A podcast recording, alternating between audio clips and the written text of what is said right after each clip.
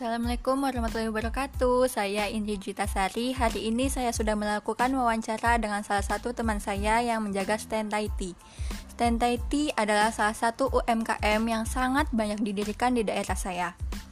Saya memberi beberapa pertanyaan seputar dampak pandemi terhadap jualannya Seperti apakah omsetnya menurun pada masa pandemi ini dan apakah harga bahan baku meningkat.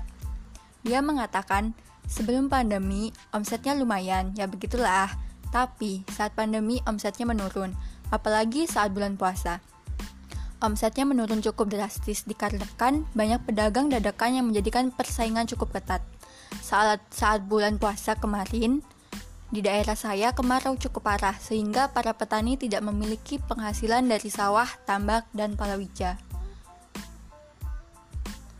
Di masa pandemi ini juga lebih banyak pelanggan yang menggunakan jasa delivery. Ya, dikarenakan COVID-19 sehingga mereka tidak mau keluar rumah. Harga bahan baku naik tapi tidak terlalu tinggi. Ya, begitulah efek pandemi. Banyak kebutuhan yang melonjak, padahal pendapatan masyarakat sangat minim. Ibu saya juga berjualan makanan seperti soto, pecel, dan gorengan. Saya memperhatikan dari awal pandemi merebak yang juga dibarengi musim kemarau.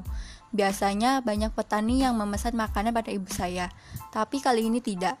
Ya, dikarenakan mereka tidak bercocok tanam ataupun panen, dan itu membuat penghasilan ibu saya cukup menurun. Saat libur panjang, biasanya banyak pemudik yang singgah di tempat ibu saya, tapi kali ini tidak. Karena pandemi, pemudik tidak sebanyak tahun-tahun sebelumnya. Kebanyakan yang membeli jualan ibu saya adalah tetangga atau pelanggan yang rumahnya tidak begitu jauh. Ini adalah wawancara dan hasil observasi saya. Mungkin kata-kata saya masih agak kaku atau ada kata-kata yang salah, mohon maaf. Wassalamualaikum warahmatullahi wabarakatuh.